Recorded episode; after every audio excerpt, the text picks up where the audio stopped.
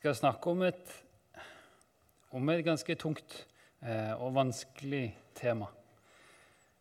Så jeg vil bare gjenta det som Frank sa, at hvis det er noe som treffer deg, hvis det er noe som dukker opp, noe du kjenner på at dette her skulle jeg snakke om, dette her skulle jeg fått forbønn for, så ikke nøl med å ta kontakt med Frank eller meg eller noen andre. Eh, så enten du er her, eller du hører om dette her, eller hører dette her en annen plass, så ikke nøl med å ta kontakt. Det blir en sånn blanding mellom bibeltime og seminar og, og tale. Eh, og vi har et tungt tema om, om når Gud kjennes fjern, og når, når, det er, når, det er, totalt mørkt både i deg og rundt deg. Når du ikke har lyst til å lese disse gode salmene om 'Herren er min hyrde, jeg vandrer med Han'. Og, men når du har lyst til å bare la Bibelen ligge, når du har lyst til å bare liksom rope til Gud, sånn som Jobb gjorde, så skal jeg vende blikket vårt mot det håpet som Gud gir oss gjennom vår, Hans ord. Så skal vi få synge sammen, og vi skal få avslutte med enda flere nydelige toner ifra min fagre kone. Så vi skal få avslutte med, med håp. Jeg skal snakke om noe som, som har fått navnet 'Sjelens mørke natt' eh, som, som, jeg har hørt er noe eh, Sankt Johannes av Korset og Sankt Teresa på 1500-tallet har lagt ut en teori på, en, en teori om, om, åndelig vekst.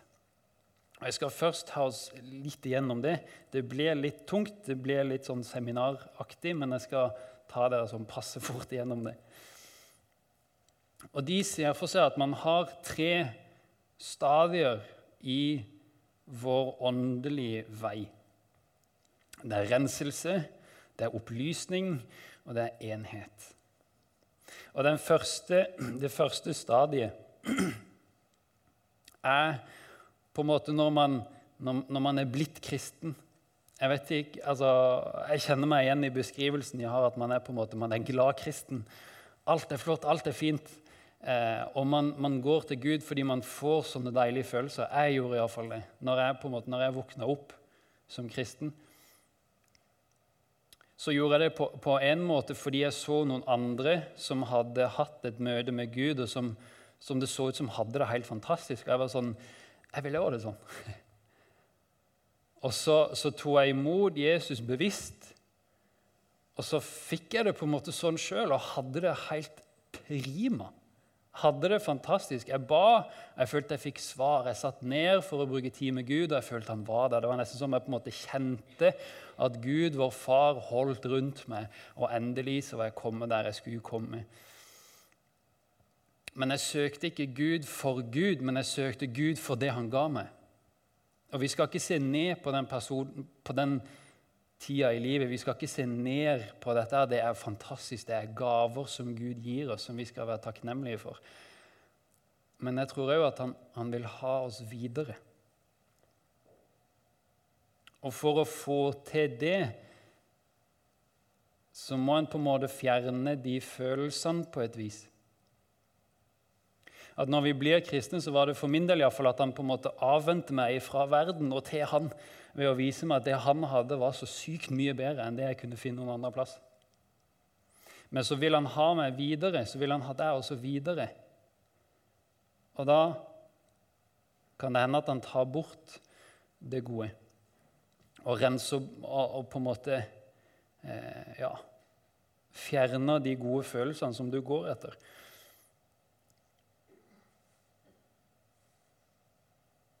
Og det er noe som de da kaller for Og da kommer man inn i det de kaller for eh, skal vi se, sansenes mørke natt. Altså, du kjenner ikke så mye av Gud. Du kjenner ikke så mye følelser av noen ting, egentlig. Eh, og du entrer sånn, et sånt mørke sånn sett. Men etter hvert så man dras videre gjennom dette her av Gud, så vil man få en dypere følelse av hans nærvær. Og så kommer du til, til et annet stadie som de har kalt for opplysning. Hvor du våkner opp, og du kommer litt nærmere Gud igjen. Og du kommer et stykke bort ifra disse på en måte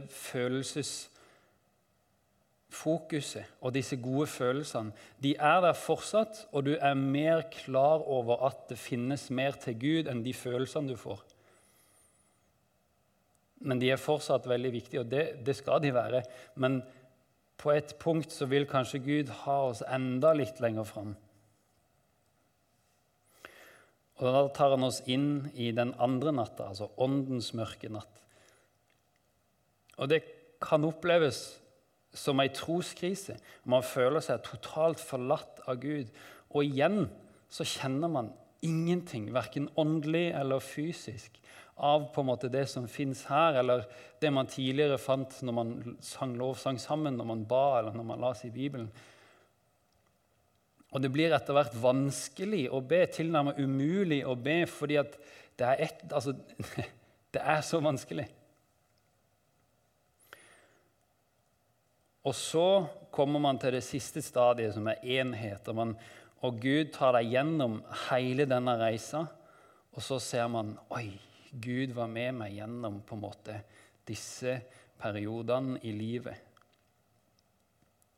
Det er ekstremt grovt skissert, men for å gi et slags bilde av det hele. Og det er ikke sånn at man går fra det ene stadiet til det andre til det tredje, og så er man ferdig.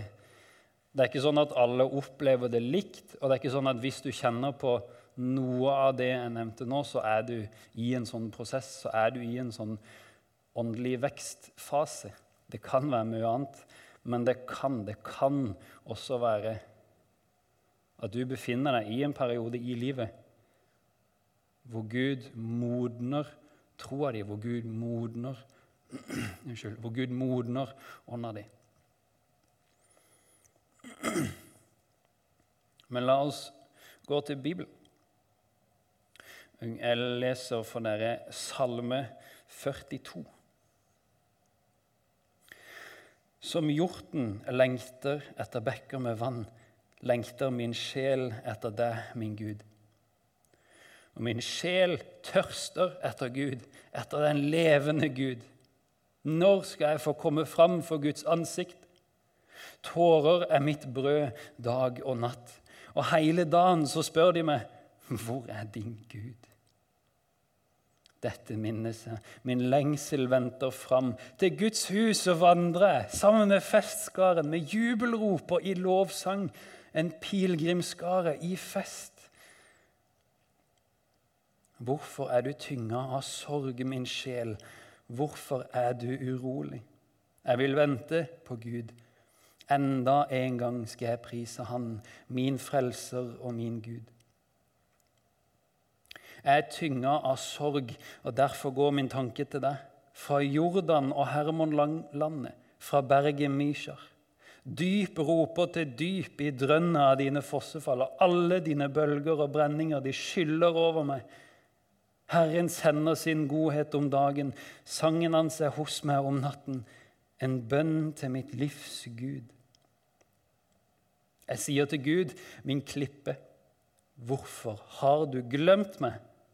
Hvorfor må jeg gå og sørge mens fienden plager meg? Fiendens hån går gjennom marg og bein, og hele dagen så sier de, 'Hvor er din Gud?'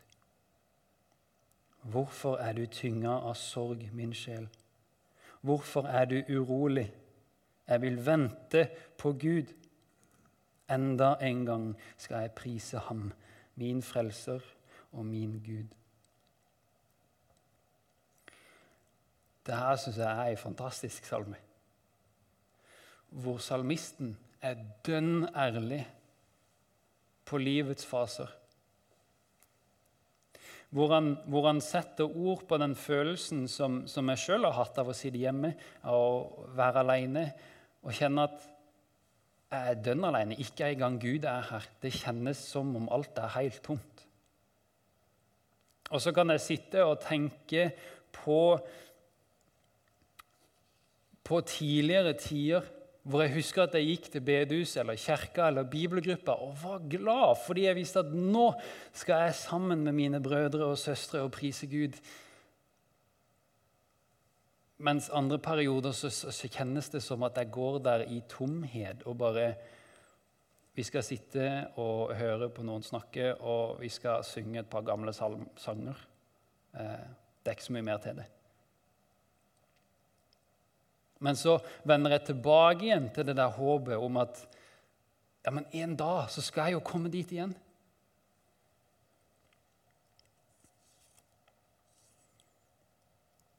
En dag så skal jeg få kjenne igjen på det jeg kjente på tidligere. Men av og til så kjennes det sånn som vers 2. Som hjorten lengter etter bekker med vann, lengter min sjel etter det. Altså ei hjort som går rundt i ørkenen, går rundt på vidda, tørster, går til en plass hvor han tidligere har funnet vann, men der er det beintørt. Der er det ingenting å finne. Og så hører jeg ting i mitt eget hue, og jeg ser ting rundt meg som, som på en måte håner meg, og som sier til meg Hvor i alle dager er guden din? Og så har jeg ikke noe å svare, annet enn det jeg vet at jeg har opplevd. Og i sånne perioder hvor Gud føles fjern, så kan det virke som om så kan, Iallfall jeg har begynt å tenke er det noe galt med meg. Har jeg gjort noe galt? Har jeg synda? Lever jeg i synd? Er jeg ikke åndelig nok? Legger jeg ikke nok i det når jeg ber eller når jeg, når jeg leser Bibelen? Er det noe galt med personligheten min? Er det der det ligger? Eller har jeg rett og slett misforstått hele greia? Er ikke Gud sånn som han sa han var? Er han ikke sånn som jeg trodde, sånn som jeg er blitt fortalt? Det kan være andre grunner til at Gud kjennes fjern. Hastverk, det at man er for opptatt. Det har jeg kjent på de siste dagene. at Jeg har vært så sykt busy, jeg har vært så sykt opptatt at det er liksom ikke noe når jeg setter meg ned med, med kaffekoppen om morgenen. Ikke fordi at Gud trekker vekk sin følte nærhet, men, men fordi at huet mitt med en gang går til jeg må forberede til onsdag, jeg må forberede meg til praksis, jeg har en oppgave jeg skal skrive, osv. En annen grunn kan være at man lever i synd. Nå sier ikke jeg at hver gang du setter deg ned og ber, men ikke kjenner noe, så er det fordi at du har en synd du må du må be om tilgivelse for. Men det er likevel Det kan hende at det er det. Kanskje er det demonisk, en åndelig kamp som foregår. Eller kanskje er det en sånn sjelens mørke natt eller en ørkenvandring som Gud tar deg gjennom. Og det er akkurat dette jeg skal fokusere på i kveld.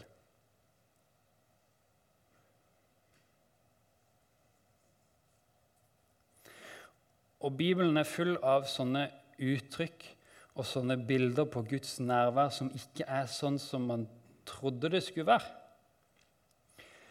Vi kan lese om Moses. Når han treffer Gud, så ser ikke han Gud ansikt til ansikt. Han var heldig og fikk sett bakhodet på Gud en gang.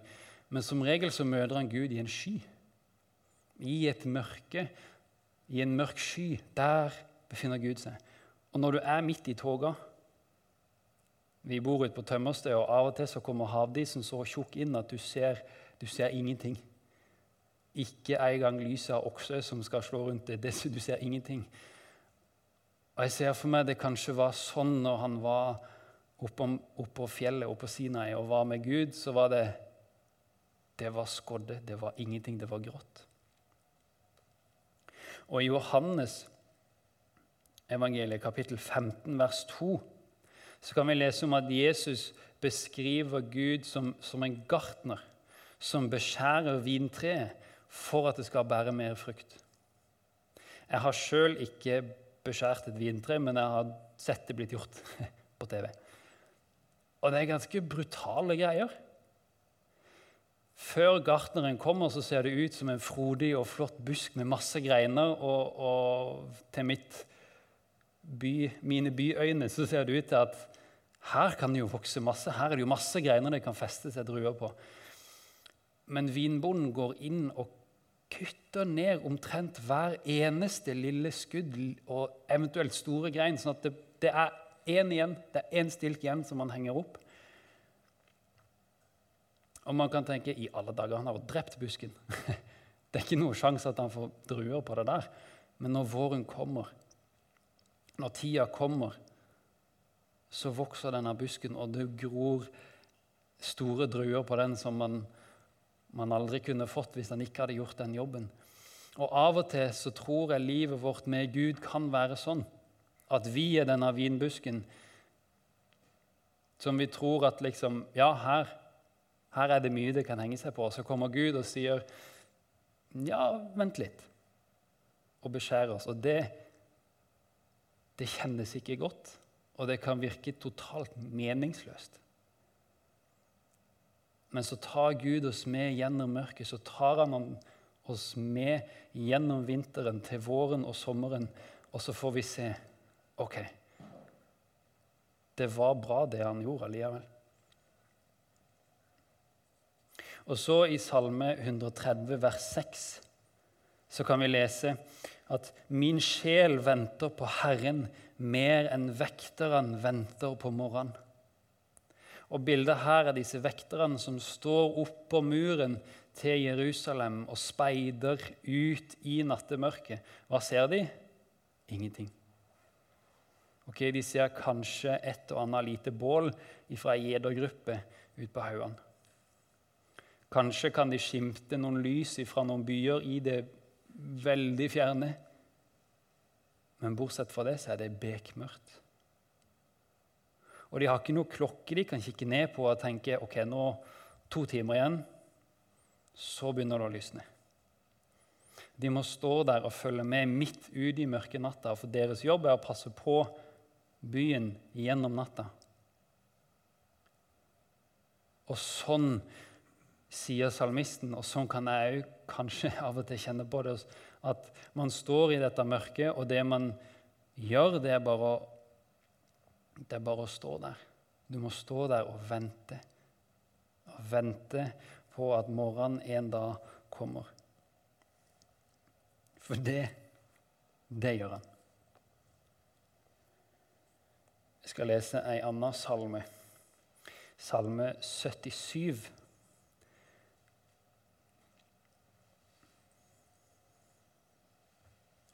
Jeg roper til Gud.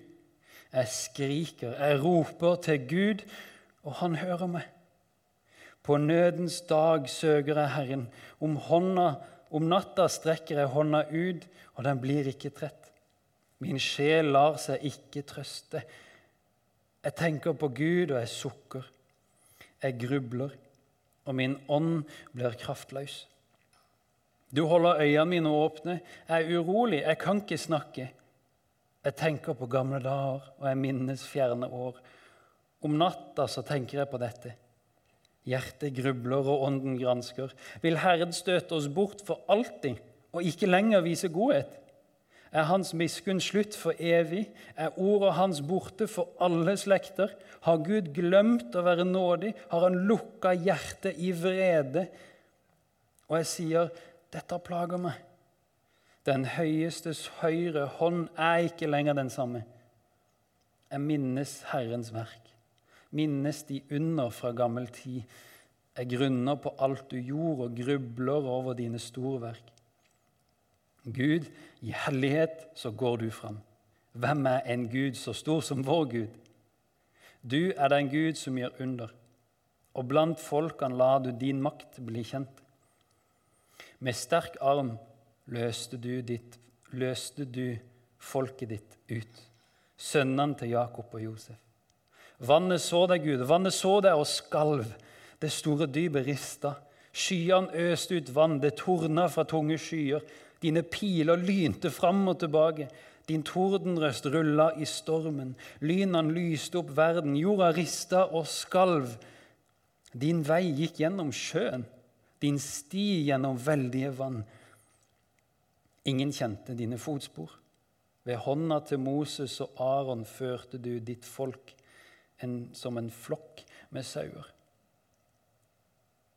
Igjen så er det dette bildet av at man søker og søker Gud, men man finner han ikke. Så tenker man på Gud, og man sukker, og man blir sånn derre Kom igjen. Og den eneste trøsten man kan finne, den finner man i historien. Hvis man har gjennomlevd bar, eh, søndagsskolen eller lest litt i Bibelen, hørt litt undervisning, og så kan man tenke på ja, Gud han førte israelsfolket ut av Egypt gjennom et hav. Gud han, han gjorde under i Sarepta og, og, og ga denne kvinna mel, så hun og familien aldri sulta. Gud han kom til, til jorda i, i, form av Jesus. Jesus kom her. Han gjorde masse under. Han gjorde vann om til vin. Han vekte Lasarus fra de døde. Han helbreda spedalske. Han, han sto opp sjøl. Og så er det det du finner trøst i. Og så klarer du ikke engang å tenke på dine egne opplevelser med Gud fordi at det er så mørkt. Man kjenner seg så aleine. Og så begynner man å tvile. Så kan jeg begynne å tvile. Er Gud virkelig sånn som han var da han leda israelsfolket ut? Er Jesus virkelig så barmhjertig som han var når han helbreda den spedalske? Eller er det bare tull?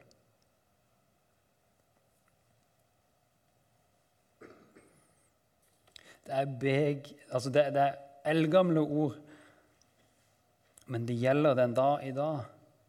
Jeg kan kjenne meg igjen, iallfall i deler av følelsen som salmisten setter ord på, at livet kan være mørkt. Men så vil jeg si det, det er ikke nødvendigvis noe galt med det av den grunn. Du kan fortsatt være kristen selv om du ikke kjenner at Gud er nær. Du kan fortsatt være en troende selv om ikke du er helt sikker på at Gud er den samme i dag som han var for fire, to, 6000 år siden. Og det kan av ulike grunner være at Gud kjennes fjern, som vi har vært inne på før.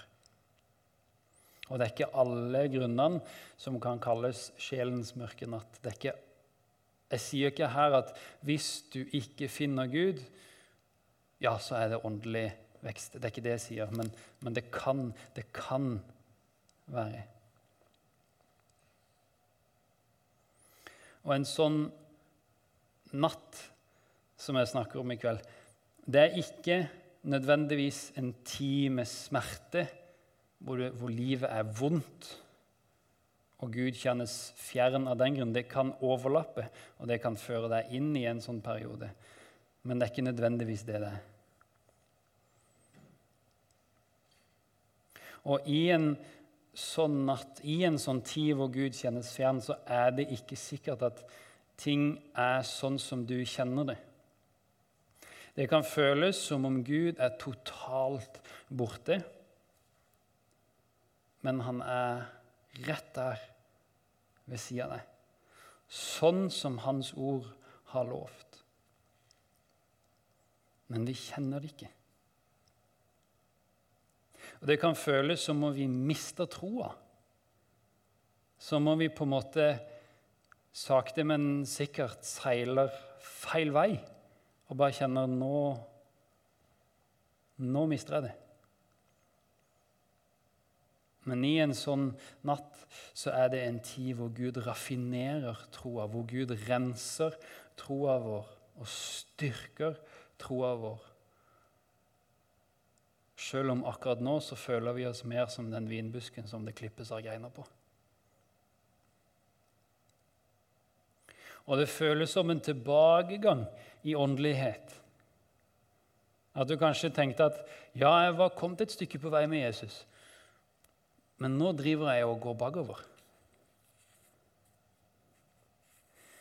Men igjen en sånn natt en tid hvor vi modnes og hvor vi vokser og går framover i vår vandring med Gud, selv om det bare absolutt ikke kjennes sånn. Jeg skal lese fra ei siste salme. Og de fleste salmer ja, de kan ha et mørkt tema, sånn som de to har vært innom, salme 42 og salme 77. Men de har et sånn visst form for håp. De har elementer av at Gud er stor, og Gud kommer til å komme tilbake til meg. Men nå er det folk her inne som har mye mer livserfaring enn meg, som kanskje kjenner dette her mye bedre enn meg. Men jeg tror at det kommer tider i livet, eller at det har vært tider i livet Det har iallfall ligna litt sånn i mitt liv. Jeg bare Jeg orker ikke. Jeg orker ikke å si at Gud er stor. Jeg orker ikke å, å synge 'Han er min glede', fordi at akkurat nå så er han ikke det. Sånne tider kan jeg ha, sånne dager kan jeg ha. og Sånne dager kan man ha som kristen, men det er ikke nødvendigvis noe galt av deg med den grunn. Da finner jeg iallfall trøst i å lese bl.a. Salme 88. Jeg skal lese noen vers herifra. Herre, du Gud som frelser meg. Jeg roper til deg dag og natt. La min bønn nå fram til deg. Vend øret til mitt rop. Mitt liv er fylt av ulykker. Jeg står ved dødsrikets rand. Jeg regnes blant de som har gått i grava. Jeg er som en mann uten kraft. Jeg er forlatt blant de døde, lik falne som ligger i grava. Du husker det ikke lenger. De er støtt bort fra din hånd. Herre, jeg roper til deg hver dag. Jeg rekker hendene ut mot deg. Gjør du under for de døde står dødninger opp og priser deg? Forteller de om din miskunn i grava og din trofasthet i avgrunnen? Blir dine under kjent i mørket, din rettferd i glemselens land? Jeg roper til deg, Herre. Hver morgen kommer min bønn framfor deg. Så hvorfor støter du meg bort, Herre? Hvorfor skjuler du ansiktet for meg? Fra ungdommen av har jeg vært hjelpeløs, ja, døden er. Du fyller meg med redsel. Jeg er rådvill, din harme slår meg, dine redsler gjør ende på meg. De er omkring meg som vann hele dagen, alle sammen omringer de meg. Du har drevet venner og frender bort fra meg. Mine kjenninger er borte i mørket. Det er kanskje rart å si at jeg finner trøst, kan finne trøst i sånne ord som dette. Men det det først og fremst forteller meg, er at min Gud, han tåler meg. Og din Gud, han tåler det. Han tåler at vi venner oss til han og, og, og sier sånne spørsmål som, som kommer opp i, i salmer her. Er det sånn at og, og vi kan spørre Gud, liksom er det sånn at du gjør under bare for de som er døde? Er det sånn at de som er døde, kommer til å stå opp og, og prise deg? Forteller de som er døde, om din godhet i grava? Går folk på gravplassen for å se at du er god, Gud? Blir dine under kjent i mørket hvor ingen kan se dem? Forteller du om din rettferdighet på en måte som gjør at vi alle glemmer det? Det er sånne spørsmål som kommer fra salmisten her, som står i, i Guds ord, og som forteller meg at jeg kan vende meg til Gud med det jeg har på hjertet. Sjøl når ikke jeg tør å fortelle det til noen andre. Sjøl når, når det er mørkt, og det er full av irritasjon. Og så kan jeg forvenne meg til Gud, sånn som salmisten gjør mot slutten her, og si Hvorfor har du satt meg her? Hvorfor har du gjort sånn at det eneste jeg kjenner på, det er mørket? Hvorfor har du gjort sånn at det jeg kjenner på, det, det er svart. Oversettelsen på slutten av salma her i, i Norsk bibel 88 er at det er bare mørket som kjenner meg. Og jeg finner trøst i de ordene fordi de er sagt til vår Gud. Og det forteller meg at min Gud han tåler de klagene jeg har. Han tåler de klagene du har. Og han er en Gud som elsker deg uansett. Han er en Gud som, som alltid vil være din Gud, uansett hva du sier til han, uansett hvordan du, du klager til han.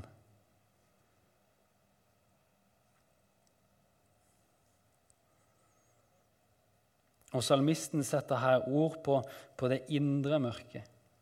Man kan oppleve at livet er et slags ytre mørke, hvor alt rundt oss er svart, hvor ingenting rundt oss viser oss at Gud er til stede, men inni oss så kjenner vi det som at jo da, han, han er her, han. Jeg kan ikke se det rundt meg, men, men, men han er her, han. Jeg kjenner det. Så kan man òg være i perioder i livet som salmisten setter ord på her, hvor, hvor det på en måte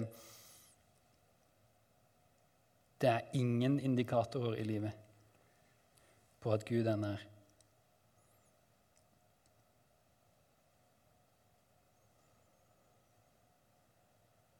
Og de måtene som man tidligere brukte for å søke Guds nærvær, de, på en måte, de funker ikke lenger.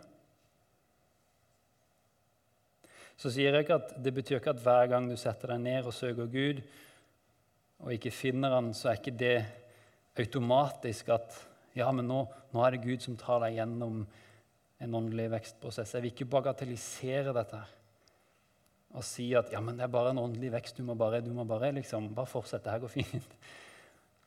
Fordi det kan føles elendig.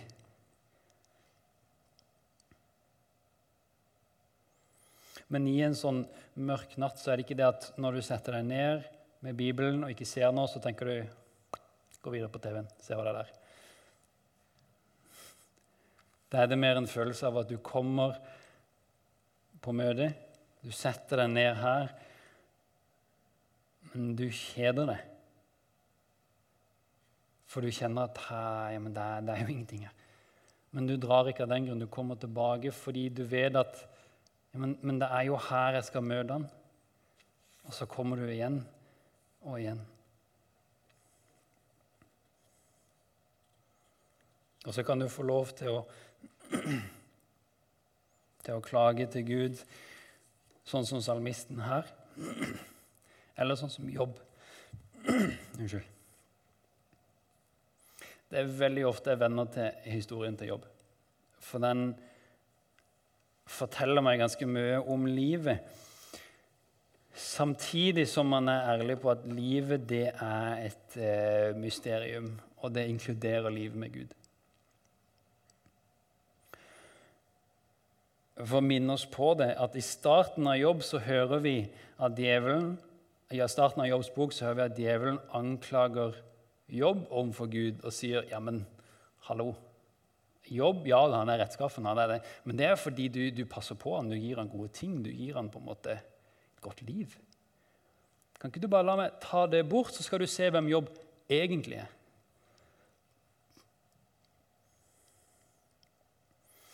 Og så kjenner vi historien. Det går sånn til. Jobb mister absolutt alt. Men han vender seg ikke bort ifra Gud av den grunn. Han klager til Gud, og han bruker ord og uttrykk som hører mer hjemme i rettsvesenet enn i bønn, hvor han sier, 'Gud, du vet jeg har gjort godt mot de innflyttere.' 'Jeg har gitt til de fattige. Jeg har vært rettskaffen. Jeg har ofra. Jeg har gjort det du ba meg om.' Og så skjer dette her med meg. Det er ikke sånn det skal være. Det er ikke sånn du er. Det vet jeg. Det vet du, Gud. Dette er ikke sånn du er. Nå må du svare meg. Nå har jeg lagt fram lista over ting jeg har gjort. Nå må du svare, Gud. Og så i slutten av Jobbs bok så, så sier Gud noe helt fantastisk. Han sier Jobb talte rett om meg. Og det er en ting som har slått meg. Ok, men hvordan det? Altså, Jobb har anklaga Gud. Jobb har på en måte stilt Gud på tiltalebenken. Men jeg tror, for min del iallfall, så virker det som at kanskje nøkkelen er der at Jobb har Det er nemlig det han har vendt seg til Gud og sagt Hva er det som skjer? Og så på en eller annen måte Ja, han har latt det stå på, men han har også sagt ifra at nå, nå, nå holder det.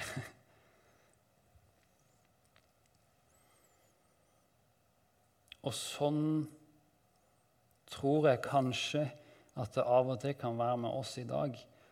Ikke at det foregår et råd oppe i himmelen hvor djevelen anklager oss overfor Gud, men at det av og til kommer perioder i livet hvor Gud tar oss dypere inn i relasjonen med Han hvor han ønsker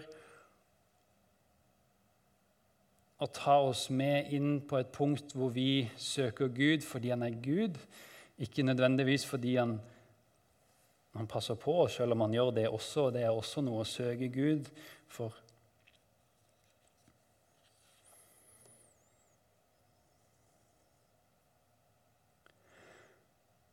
Så hva skal man da gjøre hvis man er i en sånn mørk natt, eller hvis man kjenner at Gud er fjern i hverdagen.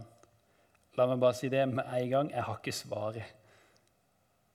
Jeg kan ikke si 'gå hjem og gjør sånn og sånn og sånn', og kom tilbake neste onsdag, så, så skal vi se. Men jeg lurer på om jeg har, noen, har lest om og hørt om noen ting man, man, man kan gjøre. Det første høres kanskje ganske motstridende ut, men bare vær der. Du er i en natt. Alt er mørkt rundt deg. Du ser ikke hvor du skal gå. Bare vær der. Prøv så godt du kan å slappe av i den natta. Vent, sånn som sangen fortalte oss, og sånn som Guds ord forteller oss. Det kommer til å gå over. Brems opp i hverdagen din.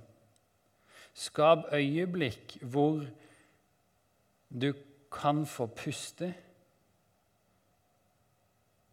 Prøv å legge merke til de gode gavene som er rundt deg, de gode tingene som er rundt deg. For min del så var det en periode kaffekoppen om morgenen. Jeg måtte skape rom til den det er ikke alltid jeg klarer å be, det er ikke alltid jeg klarer å lese Bibelen. Men, men jeg har kaffekoppen der, og, og, av og til så er det nok med, med bare den. Og så en setning jeg hørte. Ikke tvil på det Gud fortalte deg eller gjorde for deg ved elva når du befinner deg i ørkenen. Sånn som Jesus når han gikk til Jordan for å bli døpt, og Gud kommer over og sier, 'Dette er min sønn, i ham har jeg velbehag'. Så går Jesus ut i ørkenen, og han blir frista av djevelen, som sier, 'Hvis du virkelig er Guds sønn, så så betviler ikke Jesus det som, det som ble sagt til ham tidligere. Og så en ting til jeg vil si. Kanskje det viktigste. Lev i fellesskapet. Om det er det store fellesskapet her i Misjonshuset eller i en annen menighet på søndager eller lørdager. Vær der. Om det er bibelgruppa di, cellegruppa di, vær der. Og finn noen som du tør, og som du kan være ærlig med. For i sånne mørke perioder hvor det er vanskelig å, å, åpne Bibelen, hvor det er vanskelig å ta til seg Guds ord, så er man ekstra sårbar. man er ekstra svak for dette spørsmålet har Gud virkelig sagt? Så har Gud gitt oss den fantastiske gaven av det kristne fellesskap med, med søsken, med brødre og søstre, som kan fortelle oss ja, Gud har virkelig sagt.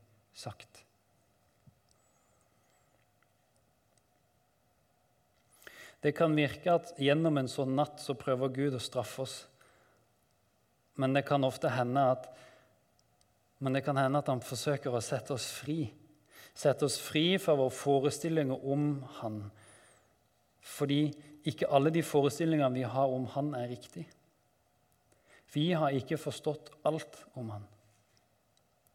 Kanskje gjennom ei sånn tørketid som du opplever, så forsøker han å rense det. Rense det fra det som ikke er fra Han. Det gjør vondt, det gjør det. Sånn som gartneren kutter greinene av vintreet for at det skal vokse og bære mer frukt. Sånn kan det være at Gud for en tid fjerner ting fra mitt indre eller fra vårt indre for at vi skal vokse. Det kan gjøre skikkelig vondt, det er det ikke tvil om. Jeg vil lese et utdrag fra 'Djevelen dypper penn'. For dere som ikke har lest den, så er det C.S. Lewis som på en måte har snudd opp ned på, på, på, på fortellinga. Og det er en brevveksling mellom to demoner som har altså mål å villede en mann bort fra Gud. Så når teksten her forteller om fienden så er det Gud. Og kreket, det er da mennesket. Han, altså Gud, setter de, altså mennesket, i gang ved å la de kjenne at han er nær. Noe som er betydningsfullt for de, selv om det er aldri så uklart, og ved hjelp av herlige følelser og lette seier over fristelser. Men han lar aldri denne tilstanden vare lenge. Før eller senere trekker han tilbake alle disse støtter og stimulanser. Om ikke i virkeligheten, så i hvert fall sånn at menneskene ikke lenger direkte merker dem. Han overlater til krekene å stå på egne bein, uten annen hjelp enn viljen til å utføre plikter som har mista all tiltrekning for dem. Det er i sånne nedgangsperioder, mye mer enn i oppgangsperioder, at de utvikler seg til sånne vesener som han vil at de skal være. Derfor liker han best de bønner som blir bedt opp til han i en slik tilstand av åndelig tørke. Vi kan hale pasientene våre ved hjelp av uopphørlige fristelser fordi de for oss bare er en del av bordets gleder, og jo mer vi klusser med vilja deres, desto bedre. Han kan ikke friste de til å gjøre godt, sånn som vi frister de til å synde. Han vil lære de å gå sjøl, og derfor trekker hånda sin tilbake. Og Hvis bare viljen til å gå virkelig er til stede, så er han fornøyd, sjøl om de snubler og faller. La deg ikke narre, malurt. Vår sak svever aldri i så stor fare som når et menneske som ikke lenger lengter etter å gjøre vår fiendes vilje, men likevel prøver å gjøre den, ser seg omkring i et univers hvor hvert spor etter han synes å være forsvunnet, og spør hvorfor han har forlatt ham, og likevel adlyder ham.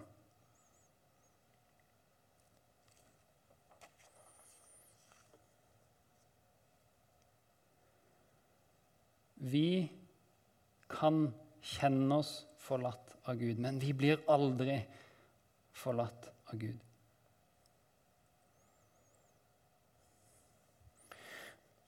Vi vender til Matteus, kapittel 27, vers 45 53. Matteus, kapittel 27, vers 45 53. Fra den sjette time falt det et mørke over hele landet, helt til den niende time. Og ved den niende time ropte Jesus med høy røst, Eli, Eli, lama sabachthani. Det betyr 'Min Gud, min Gud, hvorfor har du forlatt meg?' Noen av de som sto der, hørte det og sa, 'Han roper på Elia.' Og En av de løp straks fram og tok en svamp og fylte den med vineddik og satte den på en stang og ville gi han å drikke. Men de andre sa, 'Vent, la oss se om Elia kommer for å redde han.' Men Jesus ropte igjen med høy røst og oppga ånden. Da revna forhenget i tempelet i to, fra øverst og til nederst. Jorda skalv, og klippene slo sprekker. Gav, gravene åpna seg, og kroppene til de mange hellige som var sovna inn, ble reist opp. Etter Jesu oppstandelse gikk de ut av gravene og kom inn i den hellige byen, hvor de viste seg for mange. Jesus ble virkelig forlatt for at vi aldri skulle bli forlatt. Jesus han var i det totale mørket, sånn at vi kunne ha en venn å finne der når vi kommer inn i mørket.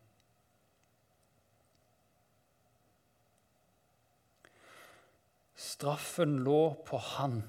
Han var såra for våre misgjerninger. Han var knust for våre lovbrudd. Men ved hans sår så har vi fått legedom. I Jeremia 29, 29,11 så sier Gud til israelsfolket, 'Jeg vet hvilke tanker jeg har om dere.' Tanker om fremtid og håp Den siste der med 'Jeg vet hvilke tanker jeg har om dere', de ble sagt til israelsfolket når de var i eksil, så langt jeg har skjønt.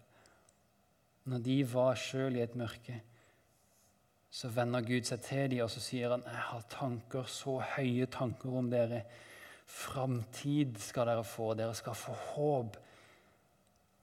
Og for ei framtid dette folket fikk.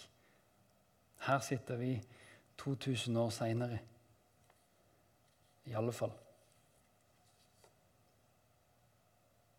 Og fått livet som gave ved nåden alene. Ved Jesus alene.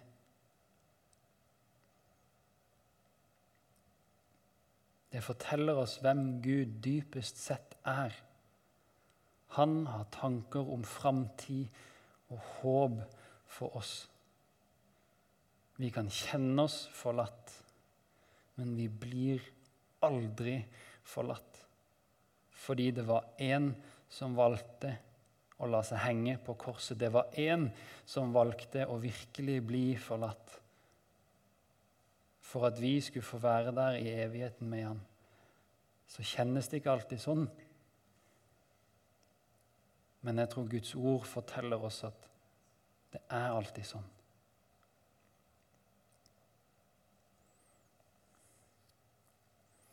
Kjære Jesus. Jeg takker deg for at ditt ord er gitt til oss. Og for at vi der kan lese om det håpet du gir oss, og at vi der også kan lese om den klagen som vi kan komme med. Kjære Jesus, bevar oss fra det onde. Lær oss å kjenne dine veier, og hjelp oss til å gå på dem. I Jesu navn. Amen.